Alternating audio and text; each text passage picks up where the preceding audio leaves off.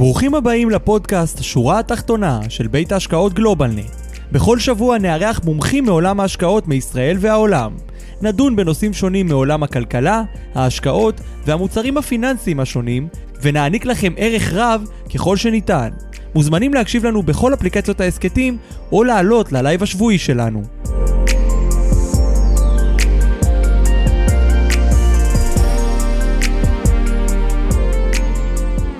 שלום וברוכים הבאים לשורה התחתונה, פרק מספר 121. אני דניאל חוגי, והיום אנחנו בפרק מיוחד בשם איך להכין את תיק ההשקעות שלכם לקראת ולאחר הפרישה. היום אנחנו נארח את אוהד וייגמן, יו"ר החברה, וגם את יוסי שי, מנכ"ל Trust Capital, שגם הוא יהיה איתנו. אז כמו בכל שבוע, חשוב לנו להדגיש ולציין כי אין לראות בנאמר בוובינר או בפודקאסט תחליף לייעוץ השקעות או שיווק השקעות או ייעוץ פנסיוני או ייעוץ מס המותאם ללקוח או המלצה בנוגע לכדאיות ההשקעה או לביצוע פעולה כזו או אחרת. המידע המוצג לידיעה ואינו מהווה תחליף לייעוץ המתחשב בנתונים ובצרכים של כל אדם ומשפחה. בשביל זה, אנו ממליצים להיוועץ עם איש מקצוע מטעמנו או מטעם גוף אחר. כל העושה שימוש במידע עושה זאת על סמך דעתו ואחריותו הבלעדית. אז ערב טוב לכל הצופים שלנו, מזכיר לכם שאנחנו בלייב בכל יום שני בשעה שבע, גם בזום וגם בפייסבוק. ואתם הצופים שלנו מוזמנים לשאול שאלות ולהעיר הערות לאורך כל הוובינר, והמרצים שלנו ישתדלו לענות לכל השאלות. אז בואו נזמין את המנחה לערב, אוהד וייגמן, שהוא גם יו"ר החברה שלנו. אוהד? ערב טוב, מה שלומך? שומעים אותי? שומעים מעולה, אוהד, מה שלומך? מצוין, בסדר גמור, מה שלומך? בסדר גמור, טוב להיות כאן. אז אוהד, אז uh, הבמה שלך לשעה הקרובה, ולכם מאזינים שתהיה האזנה נעימה. טוב, אז uh, תודה רבה לך דניאל, אנחנו, אני כבר אשתף uh, ונתחיל. הנושא שלנו היום הוא נושא שאנחנו באמת נשאלים עליו הרבה מאוד. Uh, אנחנו חווים הרבה מאוד תנודתיות בשווקים, וכשמדובר באנשים לקראת פרישה או לאחר פרישה, הנושא של הכנת תיק ההשקעות ואיך עושים את התהליך ואיך לא לפספס את הטיפים הקטנים והנקודות אה, בדרך הוא נושא שמלווה אותנו הרבה מאוד אה, במהלך הוובינרים שלנו לאורך התקופה, לאורך השנים האחרונות, בעיקר בחצי שנה האחרונה אה, בעקבות התנודתיות המשמעותית, אפילו משמעותית מאוד. אז uh, המטרה היא באמת uh, לראות, לתת כמה טיפים uh, במקום הזה. Uh, אין ספק שהעולם משתנה אפילו בצורה דרמטית. אני לא מדבר על האקלים הקיצוני, או רק על האקלים הקיצוני שכל העולם uh, uh, חווה ממנסונים לחום קיצוני באירופה, והנה אנחנו חווים גל חום בישראל, שזה רגיל, כן? אבל uh, המבנה הסוציו-אקונומי של מדינות בעולם, אה, ונושא של הקורונה ששינה באופן מהותי את הצורה שבה מדינות אה, מנהלות את הגלובליזציה שהייתה אה, עשרות שנים אחד מהדברים החשובים ביותר שדחפו את הכלכלה קדימה, פתאום הקורונה מחייבת אותנו להסתכל פנימה ולראות איך הכלכלה הפנימית מספקת את עצמה ואת הצרכים שלה, ונשאלת השאלה, האם כל השינויים האלה שאנחנו חווים מחייבים גם לשנות את הדרך שבה אנחנו חושבים ומנהלים את תיקי ההשקעות שלנו? והתשובה היא כמובן שכן. אז אה, בואו נדבר קצת על השינויים הדרמטיים. הראשון הוא הנושא של תוחלת חיים, נדבר על זה לא מעט. אה, מיד אחריו, הזדקנות האוכלוסייה, גם הפקטור המיידי זה שהרבה מאוד כסף נצבר אצל קבוצה יחסית מצומצמת, אומנם הולכת ועולה, אבל יחסית מצומצמת, כלומר 70 אחוז מהנכסים בידי הציבור מוחזקים על ידי בני ה-65 ומעלה, ויש לזה השלכות משמעותיות על הצורה שבה אנחנו מנהלים או אמורים לנהל את תיקי ההשקעות שלנו, איך אנחנו בונים. אנחנו המון מדברים בוובינרים בשנים האחרונות על הריבית הנמוכה, ואפילו בסוף 2021 כבר העזנו להגיד את המילה בצורה ברורה, את המילה בועה. אבל דיברנו לא רק על בועה בתחום אחד, כמו מניות או אג"ח, דיברנו גם על בועה בתחום הנדל"ן, שנה מטורפת, וכמה שנים שעברו בכל העולם שיצרו את הבועות, אז נראה כמה נתונים בנושא הזה. אה, כמובן כשיש לנו אה, אה, ריבית נמוכה לאורך יותר מדי זמן, אז גם התנודתיות עולה, זה אחת מהסיבות שאנחנו חווים גם תנודתיות בחצי שנה האחרונה. מצד שני, ככל שאנחנו הולכים ומתבגרים, שנאת הסיכון שלנו הולכת ועולה, ואיתה גם הצורך לשנות את תיק ההשקעות או תיק הנכסים בהתאם לאותה שנאת סיכון שהולכת וגדלה. Uh, דיברנו על התנועתיות, היא כרגע נובעת בעיקר בנושא של האינפלציה וההבנה של העולם שאנחנו כבר בסביבת ריבית חדשה וחוסר ההבנה של העולם לאן היא באמת הולכת, אז נדבר באמת גם על הנושא הזה. אמ, עוד שינוי דרמטי שמשפיע זה המעבר משיטת זכויות לשיטה צוברת. כלומר, אם בעבר, אפילו היום כשמגיעים אליי אה, אה, פורשים לתכנון פרישה, הרבה מאוד מהם פורשים עם פנסיה ותיקה, או פנסיה תקציבית, זאת פנסיה זכויות. כלומר, אני ככל שעוברות השנים, בעבודה, ואז עבדו, לא כמו היום שהם מחליפים עבודה כל שנתיים, שלוש, ארבע, עבדו שלושים, ארבעים שנה באותו מקום, כל שנה צברתי זכויות. היום, בהסדרי הפנסיונים החדשים, כמו בפנסיה מקיפה, ביטוחי מנהלים, אני צובר כספים, מה שאומר שאצל הרבה מאוד מכנראה הצופים שלנו היום, והמאזינים שלנו, אה, בעצם זה אחד מתיקי ההשקעות הגדולים ביותר שהם אה, מנהלים, אז המעבר הזה יצר ירידה מאוד משמעותית אה, בקצבאות בתום התקופה, וגם יצרה תנודתיות לאחר קבלת הקצבה, וזה משהו שנתעכב עליו כי לא כל האנשים מכירים את הנושא הזה. אה, שינוי דרמטי הוא גם בנושא של התכנון, כי היו הרבה מאוד רפורמות שהן רפורמות מאוד מאוד מאוד חשובות, מאוד טובות, כמו פנסיית אה, אה, חובה או פנסיה ברירת מחדל, שגרמו לכולם להתווכח על דמי הניהול שלהם, להוריד באופן דרמטי את דמי הניהול, להצטרף אולי אפילו אוטומטי באינטרנט לקרן פנסיה, מעסיקים מצרפים את העובדים אוטומטי וכן הלאה. זה הפך להיות הרבה יותר נוח וקל אבל זה בא על חשבון תכנון. עכשיו נכון שככל שעובר הזמן ואנחנו מתבגרים, הנושא של התכנון או חוסר תכנון עמוק הופך להיות יותר ויותר אה, משמעותי, אבל גם כשאנחנו צעירים ואני מחליף מקומות עבודה ואני מושך פיצויים, אני בעצם מעדיף את הטווח הקצר על פני הטווח הארוך ונדבר על המשמעות של הדבר הזה. אז נתחיל. הדבר הראשון זה נושא של תוחלת חיים.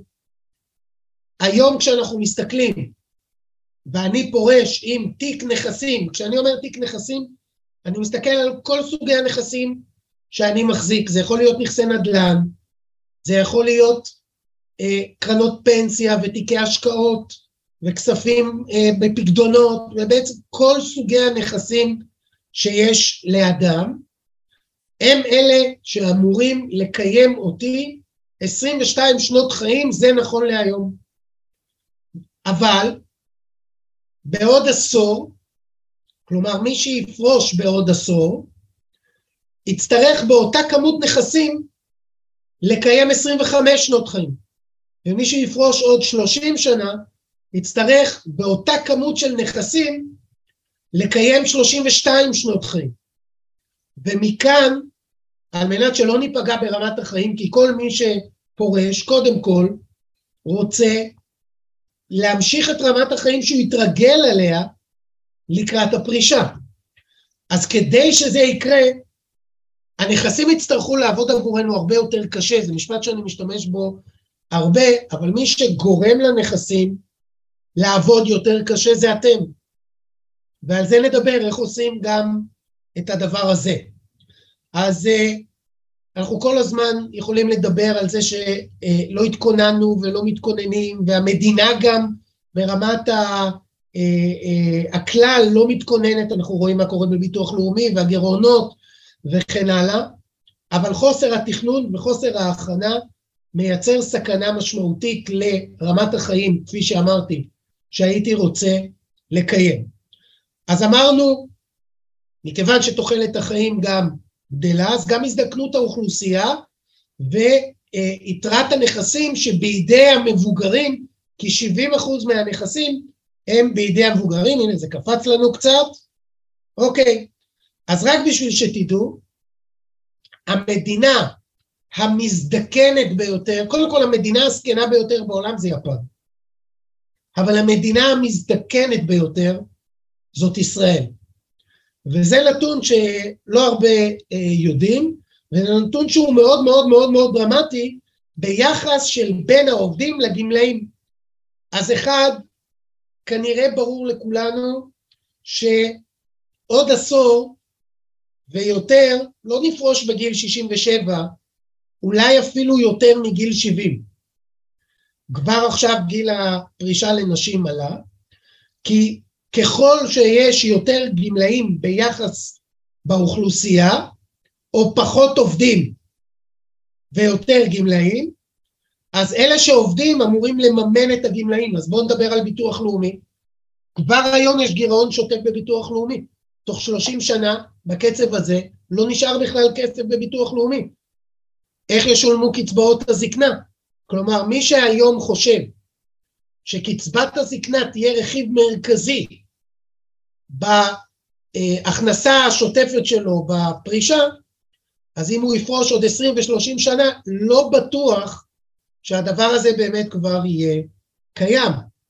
אז אמרנו נכסי הציבור, נכסי הציבור כבר הגיעו לחמישה טריליון ש"ח במדינת ישראל, זה הולך וזוחל אה, ככל שעובר הזמן, אתם רואים פה במרץ 20 את הירידה הקטנה בעקבות התנודתיות שנגרמה מהקורונה, ומאז זה חזר למגמת עלייה, אבל אם תשימו לב למגמה, בירוק, את האחוז ביחס לתוצר, אז אנחנו רואים שתיק הנכסים עולה בצורה משמעותית כאחוז ביחס לתוצר, וזה נתון אה, מאוד משמעותי.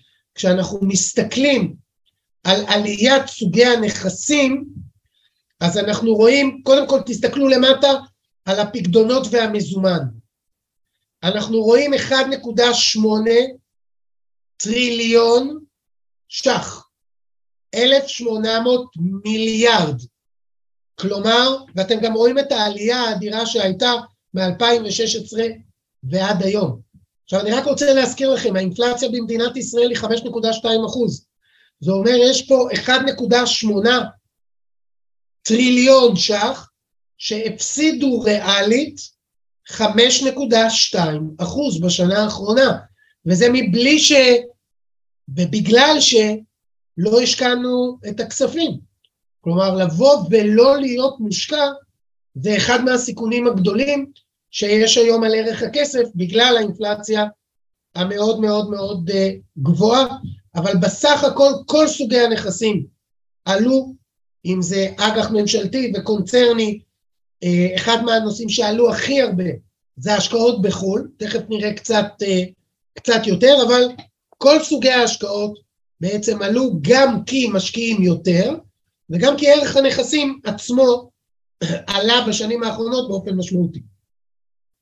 פה אנחנו רואים את המגמה המאוד מאוד מאוד משמעותית של יציאת הכספים לחו"ל, ואפילו החשיפה למטבע חוץ, ואני רק מזכיר, השקל בחודשיים האחרונים עלה מעל עשרה אחוזים ביחס לסל המטבעות, כלומר, סליחה, סליחה, או, כלומר, השקל הוא מאוד מאוד מאוד מאוד חזק, ולמרות זאת, עדיין הרבה מאוד השקעות יוצאות לחו"ל, בעצם השוק הישראלי הוא קטן מדי, בטח ובטח כשאנחנו מסתכלים על ההשקעות של גופים מוסדיים בישראל, השוק בישראל הרבה פחות שכיר, הרבה פחות משמעותי ביחס לצורך של הגופים המוסדיים להשקיע מיליארדים כל חודש, יש בערך בין שישה לעשרה מיליארד בחודש שנכנסים להסדרים פנסיונים בחודש,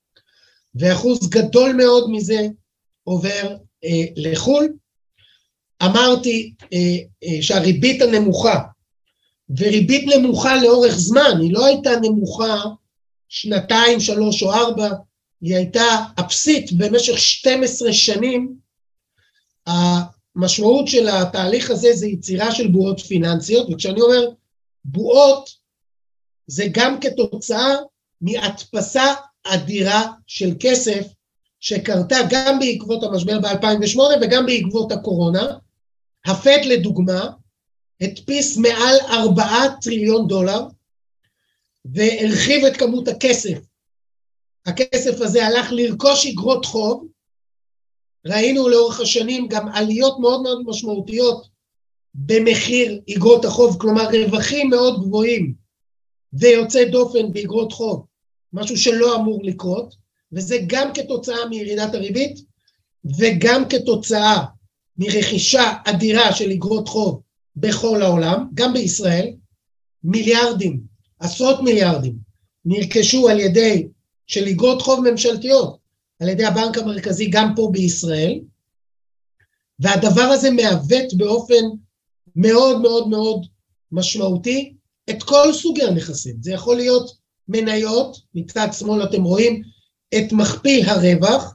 מכפיל הרווח, אם, אם נסתכל אולי בצורה אה, פשוטה, זה כמה שנים לוקח למשקיע להחזיר את השקעתו במדד. במקרה הזה מדד S&P 500, אז לאורך שנים הממוצע של מכפיל הרווח של S&P 500 הוא בערך 16-17. כשאנחנו מסתכלים בכל העשור האחרון, אנחנו רואים מכפילי רווח הרבה הרבה הרבה יותר גבוהים בממוצע ממכפילי הרווח ארוכי הטווח. וזה בעיקר בגלל הנושא של ירידת הריבית ורכישת של אגרות חוב ממשלתיות שמוזילות באופן משמעותי את עלות המימון. עכשיו, כשעלות המימון הופכת להיות זולה יותר, זה אומר שהוצאות המימון של החברות יורדות והרווח עולה. וכשהרווח עולה, מן הסתם גם המחיר של המניה עולה. מעבר לזה שהריבית יורדת, כשאנחנו עושים הערכת שווי של חברה, אנחנו מאבנים את תזרימי המזומנים של החברה, אז גם הרווח עולה, זה בעצם המונה, וגם המכנה יורד, זה בעצם הריבית, כי הריבית ירדה. ושני, השילוב של שני הדברים ביחד, הטיסו את מחיר המניות כלפי מעלה, וזה מה שאנחנו רואים במכפילי הרווח. בנוסף אתם רואים פה מצד ימין את העלייה הדרמטית שהייתה במחירי דירות בכל רחבי העולם. אז תשימו לב, ב-2021 וברבעון הראשון 2022, קצב ש... עלייה שנתי, שימו לב, מטורף.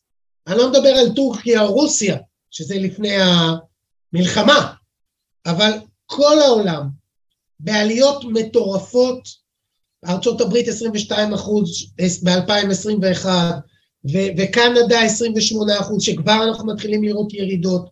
כלומר, איפה שלא תסתכלו, לאורך העשור האחרון בעיקר, אתם יכולים לראות מ-2008 איזה קפיצה מטורפת הייתה, גם של המניות וגם של מחירי הדירות, וגם אמרנו אג"ח.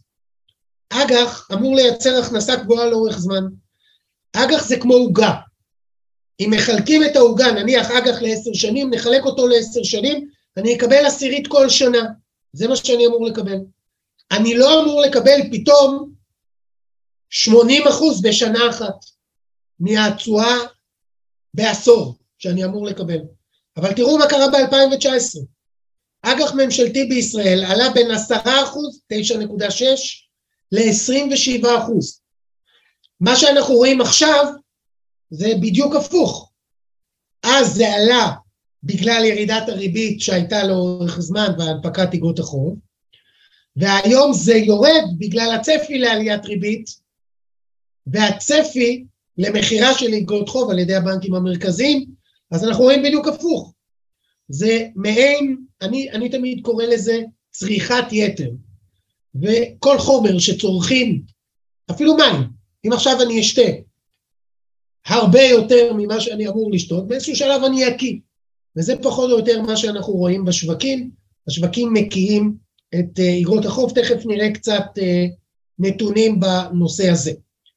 הנתון הנוסף, השינוי הנוסף שאנחנו חווים, זה תנודתיות גבוהה בשווקים, וגם אמרתי, ככל שאנחנו מתבגרים, שנאת הסיכון הולכת ועולה. דרך אגב, זה נושא מאוד מאוד חשוב, כי בדרך כלל מגיעים אליי לתכנון פרישה, או לקראת הפרישה, 55 או 60, או בפרישה, באזור 65-67, ואז הרבה פעמים יש לנו מה שנקרא שנאת סיכון ממוצע, תכף תראו אותה.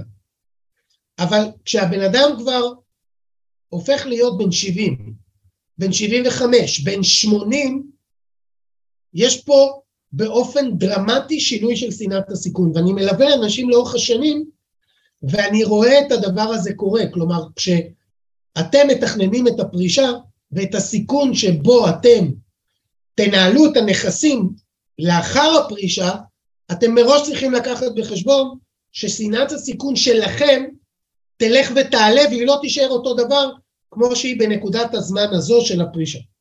אז את התנודתיות אנחנו רואים, זה מה שנקרא ה-VIX, מדד ה-VIX, מדד הפחד, נגזרת של ה-S&P 500. גם פה ממוצע ארוך הטווח הוא 17-18. אנחנו כבר הרבה מאוד זמן, בעיקר מהקורונה, בשיעורי תנודתיות שלא נצפו מעולם.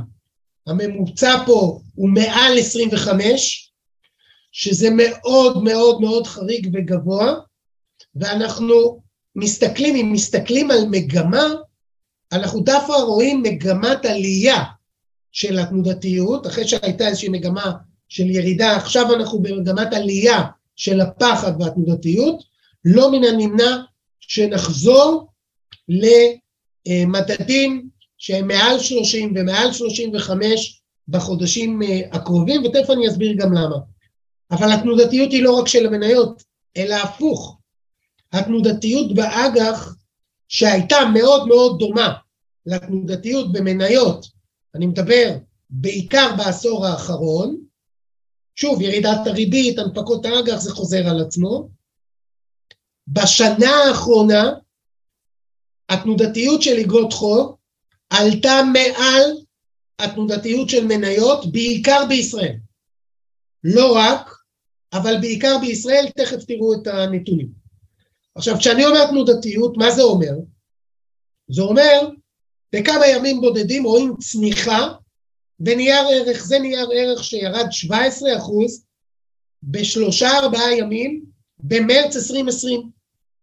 עכשיו, כשאני רואה גרף כזה, אז ברור לי שמניות יכולות להיות גם בתקופה כזו של משבר מאוד מאוד גדול, אני לא יודע, אני אזכיר לכם, מרץ 2020 חשבנו העולם נגמר. תיזכרו מה היה אז, חשבנו באמת לא נחזור יותר, היו סגרים ובאמת מחשבות נוראיות גם לגבי הכלכלה והשוק הגיב בתנודתיות מאוד מאוד מאוד קיצונית. אבל הייתי מצפה שהמניות תנודתיות, שהאג"ח יגן על התיק, כי זו המטרה של אגרות החוב, להגן על התיק מפני התנודתיות של המניות. מה קורה אם האג"ח יורד יותר מהמניות? כי הגרף הזה שראינו זה עתה, זה איגרת חוב ממשלתית בישראל. 17 אחוז בשלושה ימים. אז אם הייתי שואל אתכם לפני, ופה זה וובינר, זה לא זום רגיל, אז לא יכולתם לענות, אבל אם הייתי שואל אתכם, אם הייתם מצפים שאיגרת חוב עשויה או אפילו יכולה לרדת ב-17% בשלושה ימים, ממשלתית, הייתם אומרים לי שזה כנראה בלתי אפשרי, אבל זה מה שבאמת קורה, וכשאנחנו מסתכלים באמת במדדים, גם במניות, גם באג"ח, שימו לב, זה אה, מעודכן לי לפני אה, שבוע וחצי פחות או יותר, אז תל אביב 35 בפלוס, אנחנו המדינה המערבית היחידה, המערבית, אה, הכלכלה המערבית שנמצאת בפלוס, ותסתכלו, אג"ח ממשלתיות בישראל, מינוס שישה אחוזים. כשמסתכלים על אג"ח כללי גלובלי, כמעט מינוס 12 אחוז, וכשמסתכלים על מח"מים קצת יותר גבוהים, גם מגיעים למינוס 20 אחוז. עכשיו, אף אחד לא מצפה שנהיה בשיעורים כאלה באגרות חוב, וזה תוצאה של אותה ריבית נמוכה שהייתה לאורך אה, הרבה מאוד שנים, ואפשר לומר שינוי הציפיות להעלאת הריבית בשנים הקרובות, זה מה שיוצר את ההפסד העצום, ואז נשאלת השאלה, האם עדיין יש אפשרות שהריבית תעלה יותר ממה שמגולם כרגע בשווקים, נדבר על זה מיד. אבל אני רוצה שתשימו לב לעוד משהו.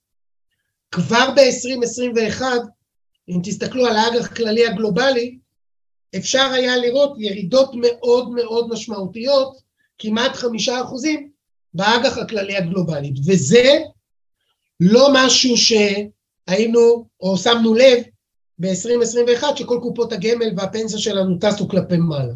למה? כי המניות ב-2021 טסו, וזה אה, אה, לא היה כל כך מורגש כמו שהוא מורגש ב-2022. אז כשאנחנו מדברים על שינויים משמעותיים מאוד בצורה שבה אנחנו מנהלים השקעות, זה קודם כל בהבנה שהחלק הסולידי כבר לא סולידי. כלומר, חלק סולידי בתיק אמור להגן עליהם מפני התנודתיות. להוריד את התנודתיות בתיק, לייצר הכנסה קבועה לאורך זמן, והוא אמור להגן עליי. אז קודם כל מה שאנחנו מבינים שבעקבות הצפי לעליית ריבית, החלק הסולידי כבר לא סולידי, הוא הרבה יותר תנודתי ממניות. זה עובדה. עכשיו שימו לב דרך אגב, אגרות חוב ממשלתיות בכל העולם, לעשר שנים. איטליה מינוס 13, פולין מינוס 12, אבל לא רק כאלה, ארצות הברית מינוס 10, האמת שזה היום טיפ טיפה יותר גבוה המינוס, בעקבות הסוף שבוע שהיה מאוד מאוד מאוד, התשואות אה, אה, עלו, כלומר המחיר ירד בצורה משמעותית של אגרות החוב בסוף השבוע האחרון, אה, גם כתוצאה מהאינפלציה והריבית, ותכף נראה את זה. גם בישראל, שימו לב, צמודות ממשלתיות פה באמצע, מינוס שש וחצי. צמוד. צמוד זה אומר שזה מרוויח מהאינפלציה, ולמרות זאת מינוס שש וחצי הפסד. אבל, מה אמרתי? החלק הסולידי מת, אבל מצד שני אנחנו כציבור, אנחנו מאוד מאוד שמרנים. אנחנו מאוד מאוד סולידיים. בכל מחקר אנחנו עונים 67 אחוז מאיתנו עונים שהפרמטר העיקרי לבחינת השקעה זה הסולידיות של המוצר. כלומר, אנחנו יודעים להגיד את המילה סולידי, אבל אנחנו לא יודעים להגיד מה סולידי ומה לא סולידי. נהוג בכל העולם למדוד, מידת, למדוד את הסיכון על פי התנודתיות. ואם התנודתיות של אג"ח היא יותר גבוהה מהתנודתיות של מניות, אז מניות זה יותר סולידי מאג"ח. למרות שזה נשמע הזוי מה שאמרתי עכשיו, כרגע זה מה שאנחנו חווים כולנו בתיקי ההשקעות שלנו, שהמניות יותר סולידי מאג"ח. עכשיו זו בעיה, כי אם אני משקיע מבוגר לקראת פרישה, או לאחר פרישה, ואני שנאת הסיכון שלי, כפי שאמרתי, הולכת ועולה, והתנודתיות הזו לא מתאימה לי, ואני רוצה להקטין סיכון, אז איך אני מקטין סיכון? מה, אני מקטין מניות? בעבר זה היה מאוד מאוד ברור, תקטין מניות, תקטין סיכון. היום אני מקטין מניות, אני מגדיל את הסיכון. זה בעצם מה שקרה. עכשיו, האם באמת לאורך זמן תצליחו להתעלם מהתנודתיות שלהערכתי בתקופה הקרובה תהפוך להיות יותר משמעותית ממה שחווינו בחודשים האחרונים, קצת נחזור אחורה, ותכף אני אסביר גם למה. האם באמת אם השוק עכשיו יורד 20 אחוז, מי מכם יכול באמת להחזיק חזק ובכל זאת להמשיך להשקיע אחרי כל מה שחווינו מתחילת השנה? עכשיו מה אמרתי? אמרתי כל ההפסדים האלה שראינו, כל התנודתיות המשמעותית, אנחנו חווים בגלל האינפלציה. כי האינפלציה מביאה איתה עליית ריבית. עליית הריבית זה הכלי העיקרי של בנק מרכזי להילחם באינפלציה. אינפלציה זה מחלה ממהרת. המדינות, בעיקר המדינות הדמוקרטיות, לא יכולות לעמוד באינפלציה גבוהה לאורך זמן. עכשיו אנחנו מדברים על חלק מהמדינות שנמצאים ב-4 אחוז, 40 אחוז אינפלציה ו-80 אחוז אינפלציה. אלה מדינות שהן על סף פשיטת רגל ועל סף משבר מאוד גדול, הציבור כבר ממש יוצא ו, אה, אה, ו, ומוחה ברחובות. כשאנחנו מסתכלים על המדינות המערביות, אנחנו רואים אינפלציה שהיא לא נמדדה כמעט מעולם. ארה"ב הגיעה כבר ל-9.1, למרות שקצת ירד ל-8.5, כרגע אנחנו רואים לחצים אינפלציוניים מאוד משמעותיים בארצות הברית, כי השכר ממשיך לעלות, אין אבטלה בארצות הברית, הצמיחה היא מאוד מאוד חזקה, הצריכה, רכישות של כרטיסי אשראי מאוד מאוד מאוד חזקות, עולות כל הזמן, זה מייצר אינפלציה.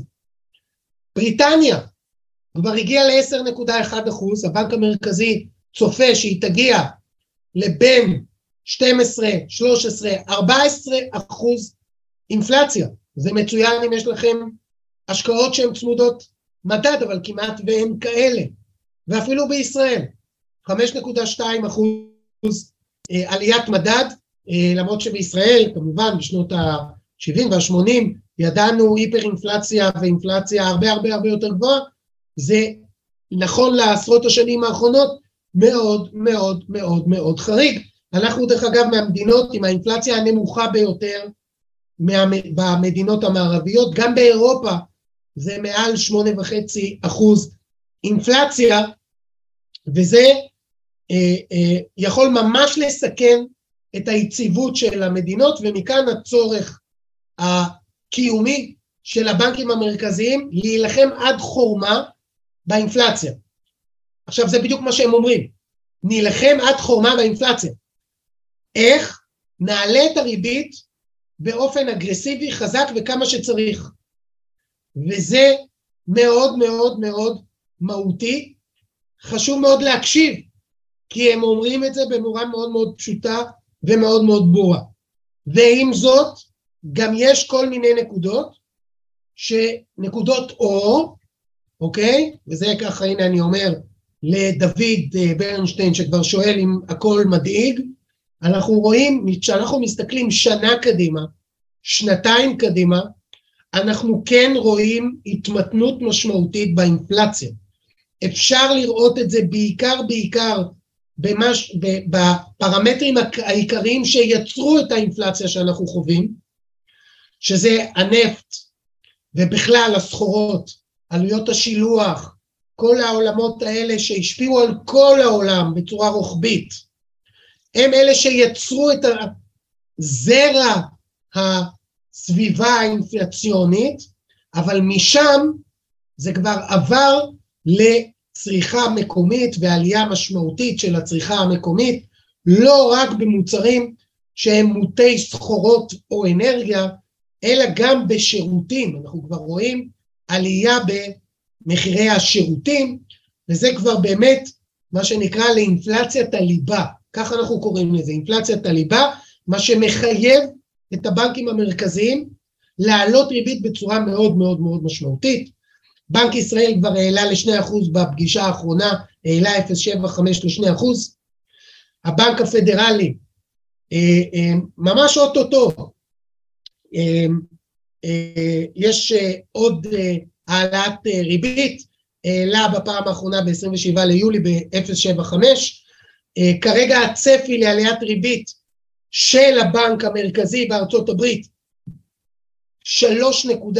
3.6-3.7, בישראל לאזור 3 אחוזים, באירופה זה יעלה הרבה הרבה הרבה פחות, לכן גם אתם רואים את היורו מתרסק, אפרופו גם מטבעות אמרתי קצת, והדבר הזה הוא בעצם הדבר הכי חשוב לעקוב אחריו, כי זה מה שמשפיע על התנודתיות בשווקים. אם אתם חושבים שהריבית תעלה פחות מאותו צפי שהשווקים כרגע מגלמים, אולי כדאי להגדיל את החשיפה למניות. אבל אם אתם חושבים שהריבית תעלה יותר מהצפי שהשוק כרגע מגלם, אז בהחלט יכול להיות שאנחנו חוזרים למתווה יורד, ולא רק של המניות, אלא עדיין עוד הרבה הרבה הרבה מאוד ירידות בתחום האג"ח שמצפות לנו אם ובמידה העלאת הריבית תהיה יותר משמעותית ממה שהשוק צופה. איפה הבעיה? אם אינפלציית הליבה מאוד מאוד מאוד גבוהה, כרגע בארצות הברית היא בערך שישה וחצי אחוזים.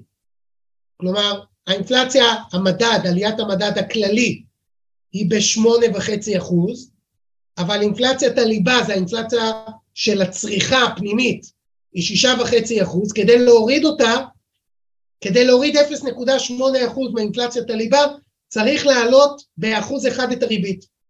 איך אני יודע? אנחנו מודדים 150 שנה אחורה, ואנחנו מסתכלים מה עליית ריבית של אחוז אחד גרמה באינפלציית הליבה. ולכן אנחנו יודעים, כל עלייה של אחוז תוריד את אינפלציית הליבית ב-0.8 בממוצע. עכשיו, כדי להוריד מ-6.5 ל-2.5 אחוז, הריבית צריכה לעלות מעל 5 אחוז. ואם אמרנו שכרגע השווקים מגלמים בארצות הברית 3.4, 3.5, והריבית תעלה מעל 4, אני לא יודע לאן, זה אומר שיש סיכוי, או יש סיכון, שאנחנו נחזור לירידות משמעותיות מאוד בשווקים, וכפי שאמרתי, בכל סוגי הנכסים, מניות, אג"ח אפילו יותר מהמניות. כמו שאמרתי גם שנה שעברה, כל השנה שעברה אמרתי, למכור את האג"ח, אני חוזר וממשיך ואומר, למכור את האג"ח, וזה המשמעות על השווקים מבחינת אה, עליית הריבית, וזה המשמעות על הדרך שבה אתם אמורים עכשיו לבנות את תיקי ההשקעות, בעיקר אם אתם לקראת הפרישה, או לאחר הפרישה, זה מאוד מאוד אה, משמעותי. אה, אמרתי גם מעבר משיטה זכויות לשיטה צוברת, אבל גם אמרתי עוד משהו מאוד מאוד חשוב, כי על המעבר אין, אין שליטה. אני לא יודע כמה אתם יודעים או כמה אתם שמים לב. כל מי מכם שכבר מקבל קצבה מקרן פנסיה חדשה או חברת ביטוח, תסתכלו מה קרה מתחילת השנה, אתם תראו שהקצבה שלכם ירדה בצורה מאוד מאוד מאוד משמעותית. כי הקצבה היום משתנה בהתאם למסלול ההשקעות אליו היא צמודה. חלק ממסלולי ההשקעות של הקצבאות, אני מדבר על ברירת המחדל של קבלת הקצבה, מגיע עד 40% מניות במסלול ההשקעה לפורשים. עכשיו, לא תמיד הפורשים יודעים את זה. זוכרים שאמרתי שכשאני פורש חשוב מאוד להתייעץ ולעשות תכנון מקפיד ועמוק, זה אחד מהפרמטרים שמרבית הפורשים לא מכירים אותם. מתחילים לקבל קצבה, ואז פתאום רואים את הקצבה יכולה גם לרדת, כמו שהיא ירדה בצורה קיצונית מתחילת השנה, ירדה 7-8 אחוז, זה מטורף. בחלק מכמובן המסלולים, לא בכולם, בחלק מהמסלולים, חברים, זה מייצר חוסר ודאות, זה מייצר תנודתיות שהפורש לא מודע בכלל שהיא קיימת. וזה בניגוד לפנסיות הוותיקות או התקציביות, שיש תשואה מובטחת ואין תנודתיות בכלל, וזה מאוד מאוד חשוב, לפני שאני מתחיל לקבל קצבאות. אז איזה הכנסות קיימות יש בכלל לפורשים? קודם כל קצבה. מה זה קצבה? זה בעצם הכנסה קבועה לכל החיים. אם אני פונה לקרן פנסיה, לחברת ביטוח, מבקש קצבה, אני מקבל הבטחה לקבל את אותו סכום לכל החיים, לכל חיי. ואפילו יש מסלולי קצבה, ואני יכול לבחור אותם, אפרופו הייעוד שדיברנו, יש שישה, שבעה, שמונה, תשעה, תלוי בהסדר הפנסיוני, מסלולים שגם מאפשרים, אם חס וחלילה הפורש הלך לעולמו, שהיורשים עד תקופה מסוימת, עד אחוז מסוים, יקבלו חלק מהקצבה, או את כולה. זה, כל מסלול הוא שונה בהקשר הזה. לכן חשוב מאוד לדעת לבחור. הרבה מאוד אנשים לא שמים לב שקצבה זה הכנסה חייבת. חייבת במס, כמו הכנסה מעבודה.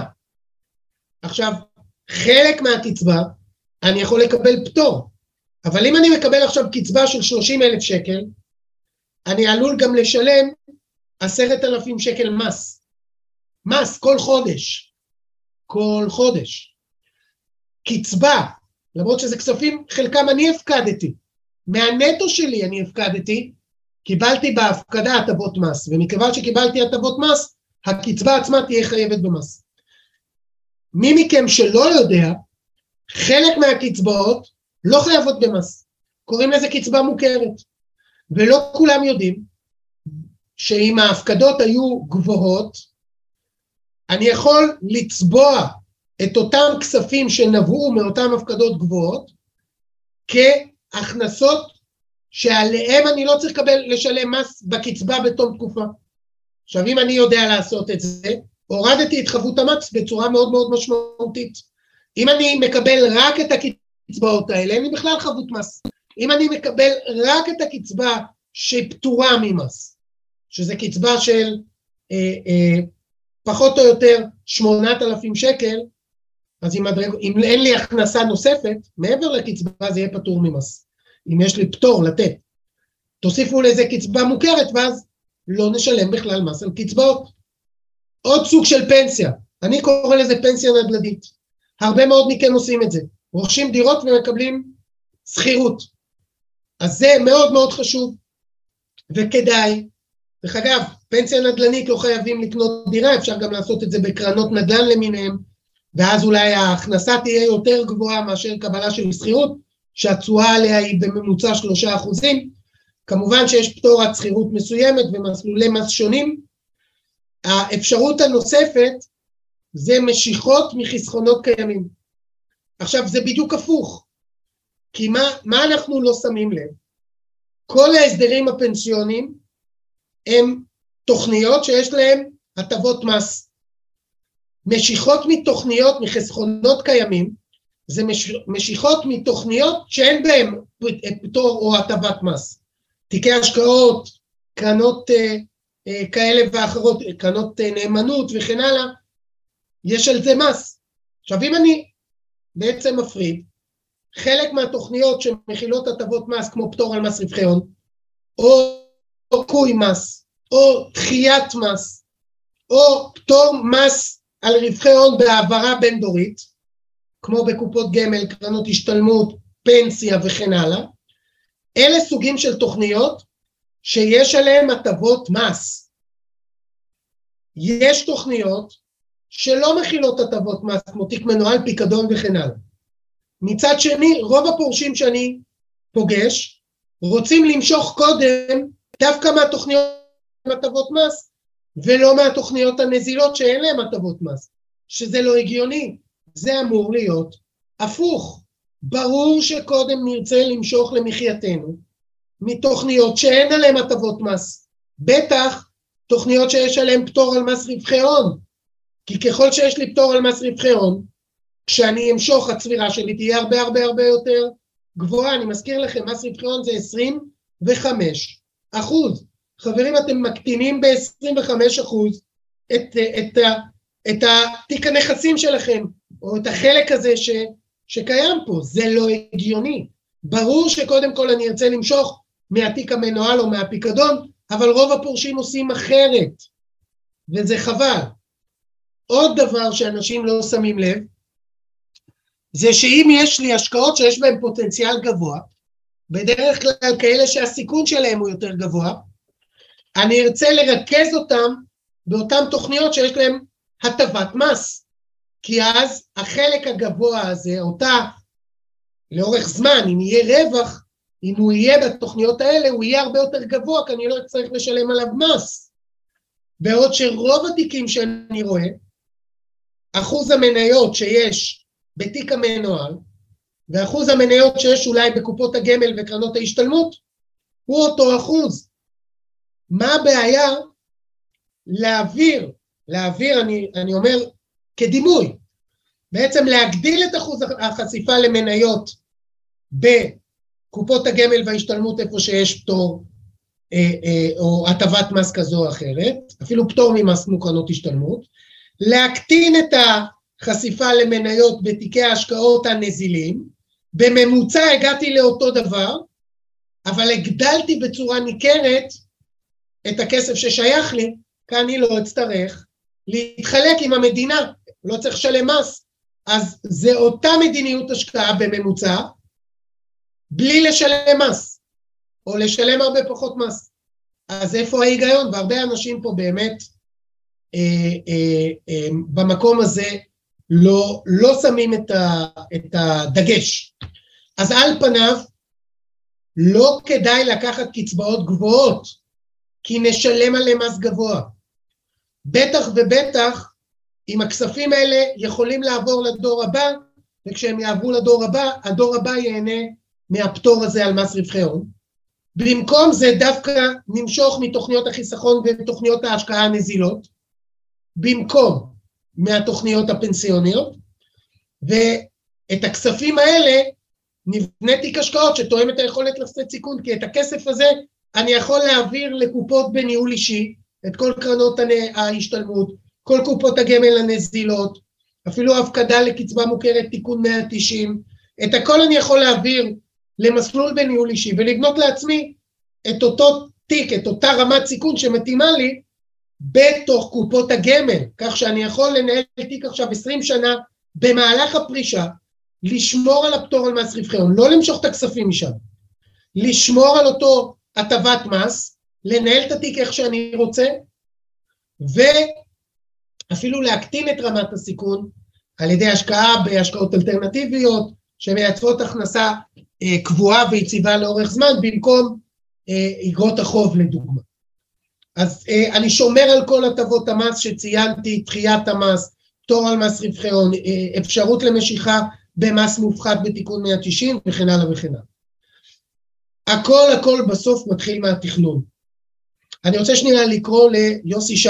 יוסי הוא מנכ"ל Trust, Trust Capital Management, היא בעצם חברה שמלווה לקוחות ליווי פיננסי ארוך טווח לפני ולאחר פרישה, ומתמחה בתכנון לקראת פרישה וליווי לאחר מכן, ו- וזה בעצם, קוראים לזה Wealth Management, דרך אגב, ב- כך קוראים לזה בעולם.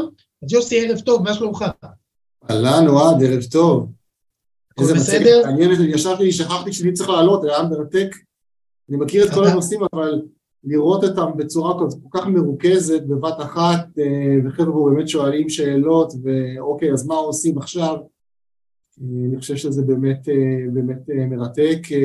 הנושא של ה... הנה, דרך אגב, אפרופו מה עושים, יש פה מי ששאל מה עושים עם נושא של פיצויים. דוד, פיצויים אחרי התחשבנות הופכים להיות כמו הפקדה לקצבה מוכרת. אז מה הבעיה? הפקדה לקצבה מוכרת יש לה הטבת מס משמעותית. אז מה הבעיה פשוט להשאיר שם את הכסף בהעברה לדור הבא, או שאני לא אשלם על זה מס רווחי הון בכלל, או שמס רווחי הון יהיה מופחת. אז זה מה עושים עם הפיצויים. מי אמר שצריך למשוך את הפיצויים? אף אחד לא אמר למשוך את הפיצויים, אבל זה משהו שעושים כברירת מחדל. וזה, וזה מאוד מאוד חשוב. עכשיו, וזה כדרך אגב, בדיוק אה, נפגשתי עם כמה אנשים בשבוע שאמרו לי, אכן עברתי מעבודה לעבודה, משכתי את הפיצויים, לא הייתי מודע לנזק שזה יוצא לי לפנסיה, ואף אחד לא אמר לי כלום. ועכשיו כבר מאוחר מדי, כי משכתי. נכון, כשלא מתייעצים בזמן, כשהם לא מתכננים בזמן, זה מאוחר מדי. הנה לדוגמה רון וינס שואל, אם עוברים ל-IRA, האם המקדם, במידה ויש, זה מקדם קצבה מובטח, בדרך כלל הוא קיים בפוליסות מנהלים ישנות וכן הלאה, כאשר מעבירים ל-IRA? קודם כל התשובה היא לא. אבל רון, אני מעביר ל-IRA רק את הסכומים שאני לא מתכוון לקבל כקצבה. אני אקח קצבה מה שאני רוצה, את אותה קצבה שאני לא אשלם עליה מס, ואת השאר אני אעביר, כי זה לא משנה אם יש מקדם או לא מקדם, אם אני לא מתכוון לקחת את זה כקצבה, אז זה לא רלוונטי הזכות הזו של המקדם, אני כבר מעדיף להעביר את זה ל-IRA, לקופה בניהול אישי, ולנהל את תיק ההשקעות על פי רמת הסיכון שמתאימה לי, אני לוקח אחריות, אני לא נותן למנהלי השקעות להחליט uh, מה רמת הסיכון שמתאימה לי וכן הלאה וכן הלאה. כשמעבירים, אז... הנה אפי שואלת, כשמעבירים תיק השקעות מהבנק לתיקון 190, לא, אפשר אחרת. אני יכול להעביר ל-IRA את תיק ההשקעות עצמו. שאלה מצוינת, אפי. אני לא צריך למכור את ניירות הערך ולעשות הפקדה לתיקון 190, אני יכול להעביר את ניירות הערך ל-IRA, את ניירות הערך עצמם, לא לשלם מס רווחי הון, וזה כמו ההפקדה. הרבה אנשים מפספסים את זה וחבל. ואז אני יכול לנהל לעצמי תיק ב-IRA עם הטבות מס, במקום שזה יישב בבנק בלי אותם הטבות מס. הנה אפרופו תכנון, אחד מהטיפים שאנחנו נותנים במהלך התכנון. אז עכשיו... באמת אוהד, אה, רק הערה פה, באמת, אני חושב שאפשר, אחת התובנות החשובות מה, מהוובינר הזה, ודרך אגב, כל הכבוד למי שנכנס ושומע ולומד אה, ומשכיל בתחום הזה, כי רוב האזרחים לצערנו משקיעים יותר בבחירת טלוויזיה או מיקסר מאשר בבחינת קרן הפנסיה שלהם ותכנון, ותכנון שלהם לפרישה. יוסי, סליחה, מיקסר זה דבר חשוב. סליחה שאני... כן, כן, בדיוק. אבל אה, באמת... זה לא נכון, הקצפת לא מוקפצת, לא, לא, בוא, זה לא... והנה עובדה שיש פה לא מעט אנשים שבאים ובאמת אה, שומעים את זה, בין אם זה בלייב, בין אם זה אחר כך ביוטיוב או בספוטיפיי, אה, כי באמת מבינים כמה הנושא הזה חשוב להתעמק בו ולתכנן אותו, וכמה תכנון נכון יכול לשנות דרמטית את איכות החיים של המשפחה, ואחד האלמנטים אולי התובנות החשובות ביותר פה זה, זה להבין שלא מספיק, שקרן הפנסיה לא תספיק לנו, ואנחנו צריכים לדאוג לעוד מקורות לפרישה ואיך מתכננים את זה נכון. אז זה, זה רק בקטע הזה. אוקיי, אז, אז דרך אגב, תוכלו לראות בצ'אט מי שבאמת ירצה לשבת ולקבל ייעוץ, שילחץ על הלינק שמופיע עכשיו בצ'אט ויוכל אה, להגיע אלינו על מנת אה, כמובן להתייעץ, אפרופו כל הדברים שאנחנו מדברים. אה, עכשיו, לקראת הפרישה, כל משפחה שואלת עצמה הרבה מאוד שאלות, בעיקר האם אפשר יהיה לקיים את אותה רמת חיים, והנושא של ילדים. נושא של אה, אה, ילדים זה עניין מהותי, כי יש המון רצונות של פורשים לתמוך בילדים, היום קשה לקנות דירה והרבה דברים קשים, המדינה פה היא מאוד מאוד יקרה, מצד שני לא לסכן את רשת הביטחון, להגיע לאיזשהו איזון בין רשת הביטחון שהפורש צריך, המשפחה, בני הזוג צריכים, לבין הרצון לתת לילדים כמה שיותר, וזה עניין מהותי בתכנון ש, שאנחנו עושים, כמובן להקטין את נטל המס, לשמור על יותר נכסים לדור הבא, ככל שאני אשאיר את הכספים ב... אה, תוכניות שיעבירו יותר לדור הבא, זה מאוד מאוד מאוד אה, חשוב, אולי אפילו נאמנויות או כל מיני דברים מתקדמים למי שיש, כך שהשותפים שלי, מס הכנסה, יקבלו הרבה הרבה הרבה פחות. כמובן שגם יש סיכונים לאורך השנים, שינויים במצב בריאות וכן הלאה, צריך גם להתכונן אליהם, לשמור על נזילות, מאוד מאוד חשוב גם בנושא הזה. אז אתה ציינת, יוסי, על נושא של טעויות אופייניות של אנשים זה הנושא של משיכות פיצויים בסיומי עבודה. הנושא הזה גם... דרך אגב הולך ו... ונהיה בעיה יותר ויותר חמורה כי רוב הדור הצעיר מחליף עבודות בקצב הרבה יותר גבוה מהדורות היותר אה, אה, בוגרים. בעבר לפחות ההורים שלי או אפילו חלק מהדור שלי נכנס למקום עבודה צעיר ויצא משם אחרי 35 שעות עבודה ואז הנושא של משיכות ופיצויים בכלל לא היה רלוונטי. הדורות הצעירים שמחליפים עבודה בתדירות מאוד מאוד גבוהה, אז אנחנו רואים נכון. ששם הסיכון כמובן למשיכת פיצויים הוא הרבה יותר גבוה, ואנחנו רואים את זה במיוחד בתקופות קצרות של העבודה.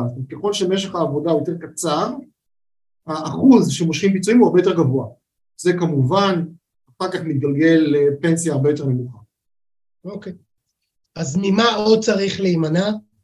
מתכנון לקוי של תזרים ומקומות, או חוסר תכנון. בכלל, של תזרים ומקורות. מצד אחד, תזרים זה השימושים של הכסף, ו- ו- ובעצם המקורות זה הנכסים, כל סוגי הנכסים שלי. ואפשר לייצר פנסיה נוספת מבלי לקחת קצבאות גבוהות, כפי שציינתי מקודם. חוסר תכנון הנזילות, מה שבאבסורד מייצר את ה-1.8 טריליון, זוכרים? בפקדונות ומזומן, שהפסיד 5.2% בשנה האחרונה, חוסר תכנון כזה הוא מהותי, משפחה צריכה שיהיה לה נזילות, אבל לא הכל חייב להיות נזיל, וזה מאוד מאוד חשוב לנהל מה צריך להיות נזיל ומה לא, כי אם אני מוותר על נזילות, אני יכול לייצר הכנסה קבועה ויציבה בסיכוי יותר גבוה מאשר בשוק ההון ובאג"ח ובמניות כמו שראיתם את התנועתיות, וזה נושא של גם ניהול סיכונים. בדיוק בנושא הזה, אוהד, אה, באמת אנחנו נתקלים בהרבה משפחות שמגיעים לגיל מבוגר ואומרים אנחנו צריכים עכשיו את הכסף נזיל כי אנחנו לא יודעים מה יהיה בעתיד, כי אה, אה, זה כל הכסף שיש לנו. ובאמת אחד האתגרים הגדולים זה באמת להסביר להם את המחיר של להשאיר את הכסף נזיל ובאמת לתכנן איתם את, את, את, את, את ההוצאות שלהם ובאמת להגיד להם חבר'ה תסתכלו אתם צריכים נזיל נכון אבל לא בכאלה אחוזים ואם תשימו את הכסף בנניח השקעות אלטרנטיביות לתקופות יותר ארוכות התשואה מול סיכון שתקבלו שם היא הרבה יותר טובה ממה שתקבלו בנכסים נזילים. אני רואה שדניאל כבר עלה. מאוד מאוד מאוד מאוד נכון. דניאל, עוד קצת, עוד קצת, עוד קצת. תן לנו עוד קצת. אני רק עליתי, תן לי קצת. תן, תן, תן לנו עוד קצת. כן. אז אה, מיסוי, אחת מהטעויות, דיברנו על טעויות, שני שליש מהפנסיונרים במדינת ישראל לא ממצים את הטבות המס שמגיעים להם בפרישה, אנחנו מדברים על, אה, על מאות מיליונים שמגיעים לציבור בישראל והם פשוט לא ניגשים לקחת, אפרופו הטעויות שדיברנו, קצבאות גבוהות וכן הלאה, פשוט משלמים המון המון המון מס שחבל 70 אלף פורשים, 70 אלף פורשים בשנה אה, יוצאים כל שנה לגמלאות. מספר מדהים. שני שליש מהם לא מקבלים ייעוץ. זה אומר שהם לא מנצלים את הטבות המס שלהם. שני שליש מ-70 אלף, תבינו איזה כמויות. כן. כן, בהחלט. מאוד מאוד מאוד נכון. והמטרה של כל הת... התהליך זה לגבש, קודם כל להבין את, מטר... את המטרות. זוכרים מה שאמרנו על הילדים, על הנזילות, על החלומות, הצרכים, זה הדבר המהותי, ואחר כך בעצם להתאים את התזרים שמתאים למשפחה, המקורות, ואז להתחיל לתכנן בעצם את המשיכות, את המס, אה, את כל המסמכים למס הכנסה, את כל מה שצריך כדי שבסופו של דבר, אה, כמובן את תיק ההשקעות, תיק הנכסים, לבנות אה, איזשהו מצב שבו באמת הנכסים עובדים עבורנו, ועובדים עבורנו באופן יציב לאורך זמן, ולא כמו שאנחנו רואים בשוק ההון, אז התהליך הוא לקבוע את יעדי הצמיחה, יעדי הסיכון, יעדי הנזילות, לבנות אסטרטגיה לניהול נכסים, לעשות מה שאנחנו קוראים asset allocation וליישם, כי זה לא תוכנית תיאורטית. ואז אנחנו כמובן, זה הצוות של יוסי שיושב ועוזר לכם ליישם את התוכנית שאתם אה, אה, אה, עכשיו אה, כמובן אה, בניתם, וכשאני אומר נזילות אנחנו מחלקים את כל הנכסים לארבע סוגים של נזילות. אחד, מיידי, כמה כסף חייב שיהיה עכשיו ומיד. קרה משהו, אני רוצה שיהיה לי חצי מיליון שקל לטווח מיידי, אבל אני רוצה עוד חצי מיליון שקל כי אני רוצה לנסוע לחו"ל עוד חצי שנה, ואני רוצה להחליף אה, אה, את הריהוט בבית, אני רוצה לעזור לילד להתחתן, אני רוצה כך וכך וכך וכך, אז אני צריך עוד נזיל אבל לטווח אה, נקרא לזה קצר בינוני, וכל השאר לטווח בינוני של חמש שנים ומעלה. אם אני את כל השאר אשאיר נזיל, אז אני נפגע מבחינת האינפלציה המאוד מאוד גבוהה ומבחינת התנודתיות המאוד גבוהה, ואז יותר מדי נזילות מגדילה את הסיכון ומקטינה את הסיכוי לייצר הכנסה קבועה ויציבה. כשאני בונה את ה-asset allocation את האסטרטגיה לניהול הנכסים, לא לשכוח את נושא הפיזור. ואסטרטגיה כוללת לכל הנכסים. אני לא הולך ליועץ השקעות כדי לקבל ייעוץ רק על התיק השקעות בבנק, וליועץ פנסיוני על התיק הפנסיוני וליועץ נדל"ן על תיק הנדל"ן. אני חייב אסטרטגיה כוללת לכל הנכסים וזה מאוד מאוד מאוד חשוב ופיזור, פיזור, פיזור, פיזור. ולדאוג, אם אני שונא סיכון, מהו החלק הסולידי?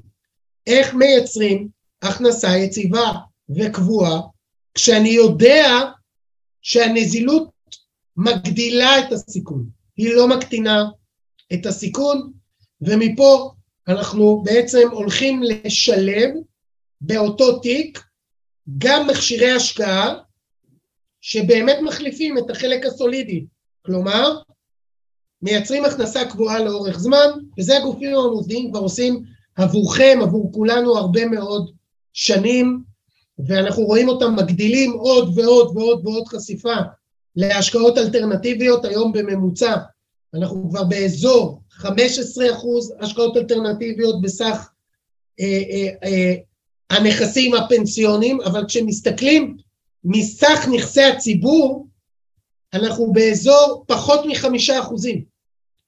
פחות מחמישה אחוזים מנכסי הציבור הם בנכסים אלטרנטיביים, למרות שמדובר בקרנות שמייצרות תשואה יותר גבוהה ובסיכון יותר נמוך. שוב, תשואה יותר גבוהה. הציבור רק התחיל ללמוד את הנושא של השקעות אלטרנטיביות, רואים את זה גם נכון. באמת בנושא של האחוזים.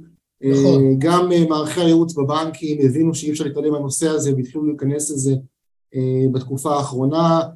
בטח כשראו את ההתנהגות של האג"חים, כמו שאמרת אוהד, שפתאום הנכסים הסולידיים כבר לא סולידיים, ופתאום יש נכסים לא סולידיים אחרים.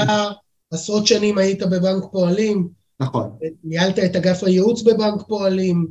אה, מחלקת ייעוץ, כן. מחלקת, סליחה, מחלקת הייעוץ בבנק אה, פועלים, כך שאתה יודע, כשאתה אומר על היועצים בבנק, אתה יודע מה אתה מדבר. כן, אני הייתי אחראי על אה, מערך הייעוץ של בנק הפועלים, בסיס היה 800 יועצים, התעסקנו המון בנושא של הפרישה, גם בהיבטים של החיבור של הפיננסי והפנסיוני, כי זה אחד האירועים הכי דרמטיים בחיי הלקוח, ובאמת יש פה חיבור גם של הפיננסי וגם של הפנסיוני, ותכנון נכון פה משנה חיים, הוא באמת משנה חיים.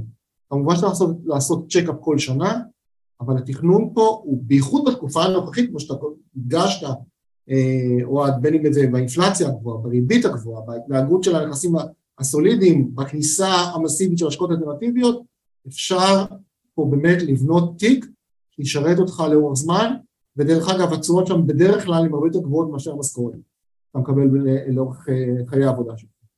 ברור. אז אמרנו, כל המחקרים מציינים אנומליה, אנומליה זה משהו מוזר, כי אם יש לי נכס שנותן לי תשואה יותר גבוהה, אז הוא אמור להיות בסיכון יותר גבוה, ופה זה לא כך. אני גם מקבל תשואה יותר גבוהה וגם הסיכון יותר נמוך, וזה בעצם המחליף של האג"ח, של אותו חלק. ככה דרך אגב נראית, אני לא אציין קרנות ספציפיות כי זה אסור, אבל אני מראה לכם דוגמאות לקרנות, איך נראה קרן שמייצרת, קרן אלטרנטיבית שמייצרת הכנסה קבועה ויציבה. שימו לב, כל... רק צריך לזכור כן? פה שהעולם האלטרנטיבי מורכב מהמון המון סוגים של קרנות, חלקם מצוינות וחלקם ממש לא, התחום הזה לא מפוקח והיכולת לבחור את הקרנות הנבחנות, לעשות due diligence על הקרנות הוא מאוד מאוד חשוב. בדיקות נאותות, כן. נכון.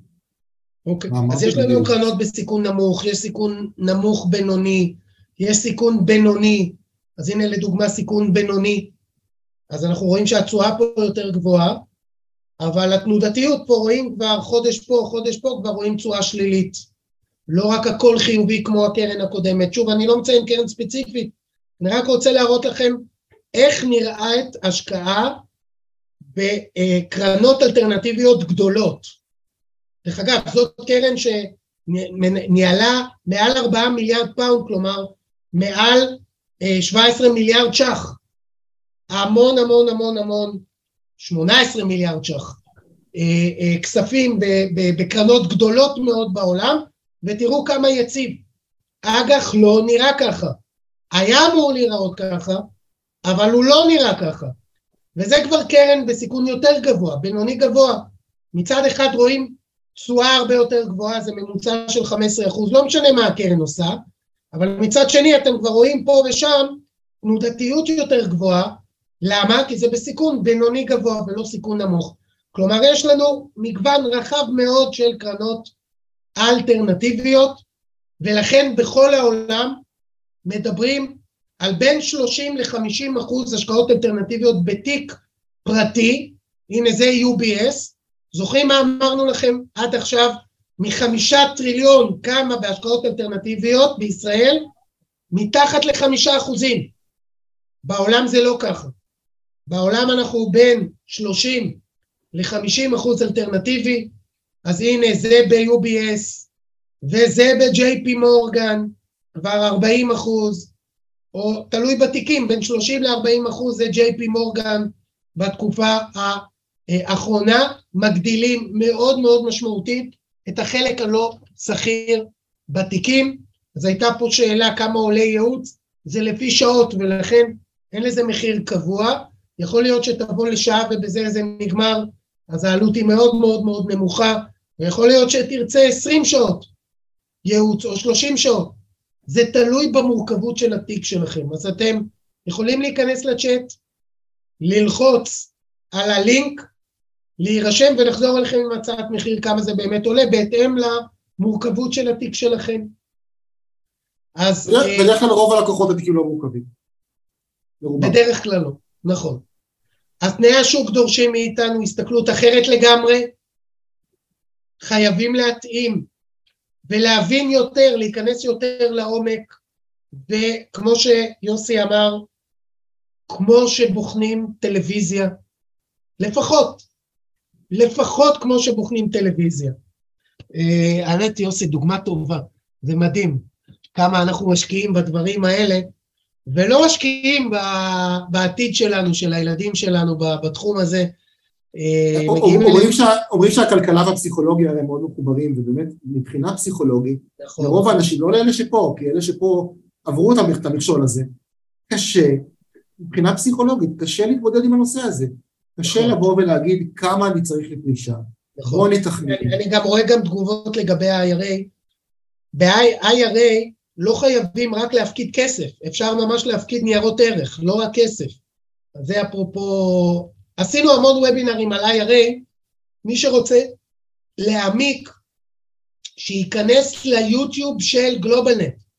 כנסו ליוטיוב, תרשמו באנגלית, גלובלנט, ואתם תראו את הדף שלנו, תיכנסו לסרטונים, יש שם מעל 100 סרטונים, חלק מהם בנושא ה-IRA.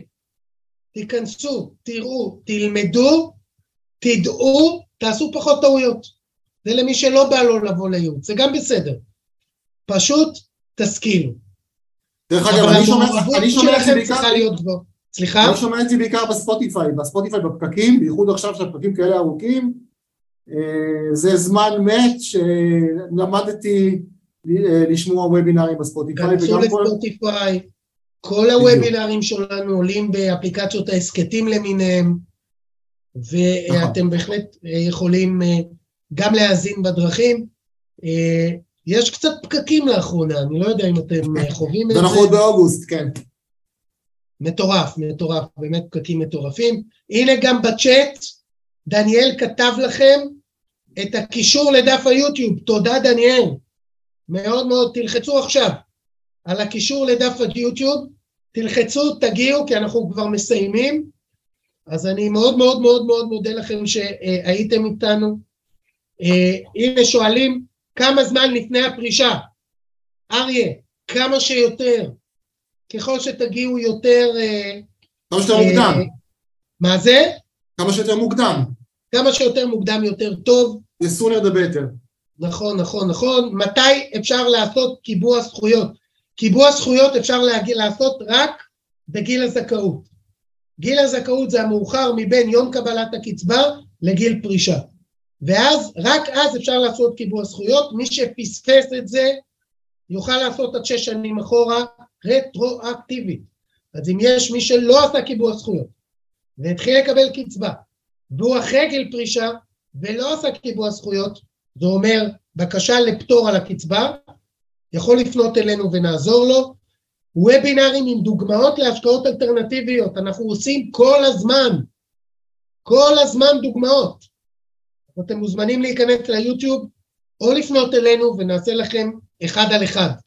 כל אחד מכם יכול לעשות אחד על אחד. יוסי והצוות שלו ישמח ל, ל, אה, כמובן לעזור לכם.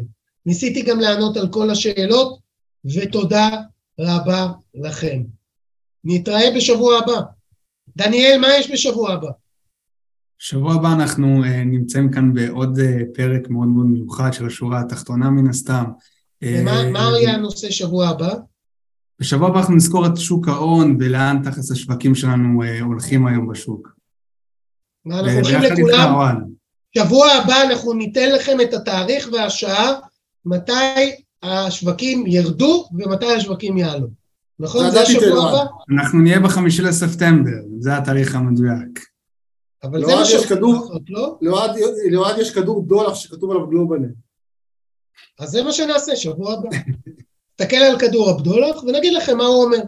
וגם חשוב לי לציין שכל המאזינים שהיום עלו לפודקאסט, אה, אה, לוובינר שלנו, אה, מוזמנים גם לראות אותנו גם בפייסבוק וגם את הפעילות שאנחנו עושים שם, את הפעילות השוטפת שלנו. כאן מגיע לסיומו עוד פרק מלא ערך של הפודקאסט, השורה התחתונה, מאת בית ההשקעות GlobalNet. תודה רבה שהייתם איתנו והאזנתם לפרק.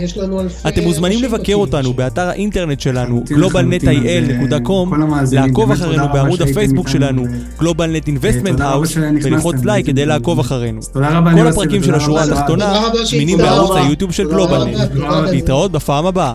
ביי ביי.